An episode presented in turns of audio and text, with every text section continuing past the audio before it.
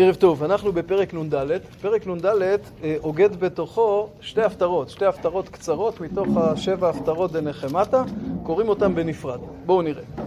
רני עקרה לא ילדה, פצחי רינה וצהלי לא חלה, כי רבים בני שוממה מבני ועולה אמר אדוני. כלומר אומר הנביא לירושלים, תשמחי, את העקרה שלא היה לך ילדים, שבנייך לא היו בקרבך, תשמחי. מדוע? כי הם הולכים להיות רבים יותר מבני בעולה, יותר מהערים, מהארצות האחרות שבהם, כן, מצויים האנשים. הרחיבי מקום ההולך, ויריעות משכנותייך יטו, אל תחסוכי. האריכי מטרייך, ויתדותייך חזקי. כי ימין ושמאל תפרוצי, וזרעך גויים יירש, וערים נשמות יושיבו. כן, כלומר, מהפך, אם היא הייתה שוממה, ריקה וכדומה, הרי שאת הולכת להתרחב, לגדול, לכן תרחיבי את האוהל. מדוע? כי הולכים לבוא לפה בנים רבים. אל תראי, כי לא תבושי, ואל תקלמי, כי לא תחפירי. כי בושת אלומייך תשכחי וחרפת אלמנותייך לא תזכרי עוד. זאת אומרת, הפעם הגאולה הזאת תהיה סופית. אל תחששי, היה חשש, אוקיי, יחזרו הבנים, אז מה? אחרי זה יגלו שוב, הרי זה כבר קרה פעם אחת.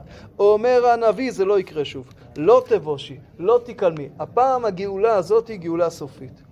כי בועלייך עושייך, אדוני צבאות שמו, וגואלך קדוש ישראל, אלוהיך כל הארץ יקרא. תזכרי מי מבטיח לך את הגאולה, השם אלוקי כל הארץ. אז אם הוא מבטיח, את יכולה להיות בטוחה. כי כאישה עזובה ועצובת רוח כרעך אדוני, ואשת נעורים כי תימאס, אמר אלוהיך. זאת אומרת, התחושה של עם ישראל, או של ירושלים, כן, ירושלים פה מבטאת את כנסת ישראל, התחושה היא זה כמו אישה שבעלה עזב אותה. אומר הקדוש ברוך הוא, נכון, אבל את בשבילי כמו אשת נעורים. אשת נעורים, גם אם לפעמים רבים, גם לפעמים כועסים, בסוף תמיד חוזרים אליה. האהבה והקשר לעולם לא נפסקו. ברגע קטון עזבתיך, וברחמים גדולים אקבצך. בשצף קצף הסתרתי פניי רגע ממך, ובחסד עולם ריחמתיך, אמר גואלך אדוני. כלומר, דעי לך, כשעזבתי אותך, זה היה ב... זה היה בקטנה. הגאולה תהיה פי כמה וכמה יותר גדולה. עכשיו, אלפיים שנות גלות זה רגע קטון, אלפיים שנות גלות זה משהו קטן. זה רק מלמד אותנו על הגודל והעוצמה של הגאולה. הנביא אומר, היא תהיה פי כמה וכמה יותר גדולה מאשר הקפידה שהייתה בהתחלה. כי מי נוח זאת לי, אשר נשבעתי מעבור מי נוח עוד על הארץ, כן מקצוף עלייך ומגאור בך. כי הערים ימושו והגבעות תמותנה, וחסדי מאיתך לא ימוש, וברית שלומי לא תמות, אמר מרחמך אדוני.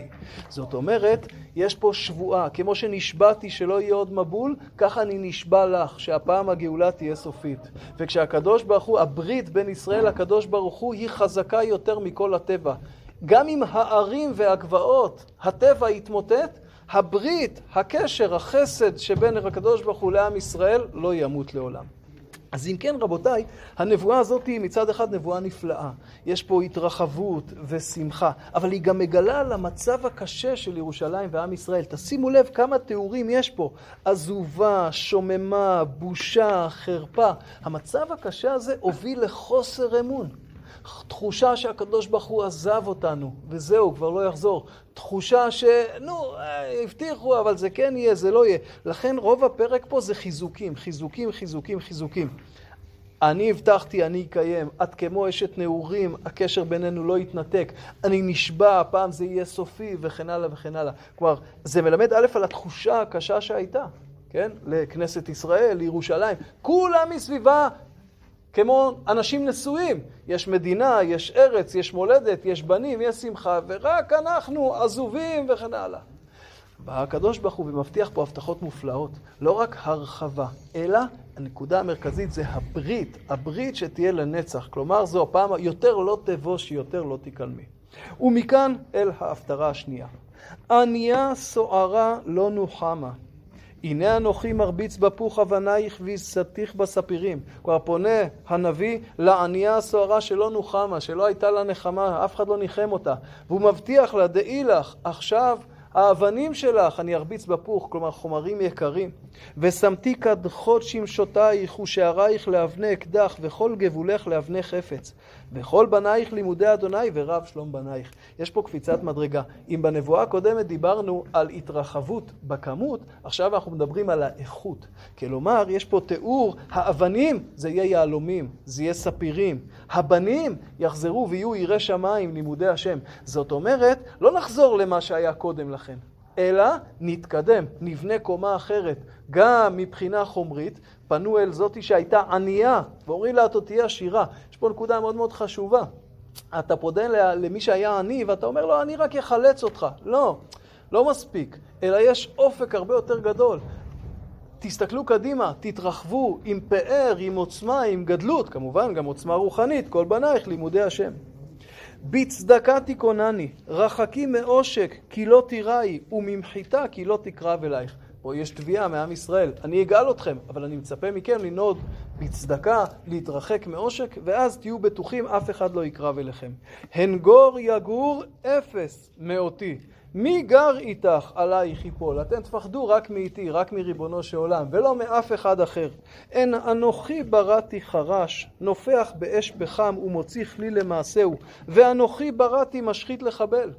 כל כלי יוצר עלייך לא יצלח, וכל לשון תקום איתך למשפט, תרשי, זאת נחלת עבדי אדוני וצדקתה מאיתי, נאום אדוני. זאת אומרת, אומר הקדוש ברוך הוא, גם את כלי המשחית שיוצרים, זה בא ממני. ולכן אני מבטיח לך שכל כלי יוצר עלייך לא יצלח. כלומר, כל מי שייצור יהיה חרש, נפח, כלי נשק, הכל בידיים שלי. ואני מבטיח לך שהוא לא יצלח. מעכשיו תשבי פה בשקט ובבטחה. אז אם כן, יש פה שתי נבואות נפלאות. אחת הראתה את ההרחבה לרוחב, והשנייה את הגודל באיכות, באיכות הגאולה, אבל שניהם אוחזות בברית. בברית של נצח, בקשר הדוק בין עם ישראל לריבונו של עולם, שיש פה הבטחה שלא ייפסק, ויש פה הבטחה שהגאולה הפעם תהיה גאולה סופית. לא תבושי, לא תיכלמי, שוב פעם, הפעם זה לתמיד. ערב טוב.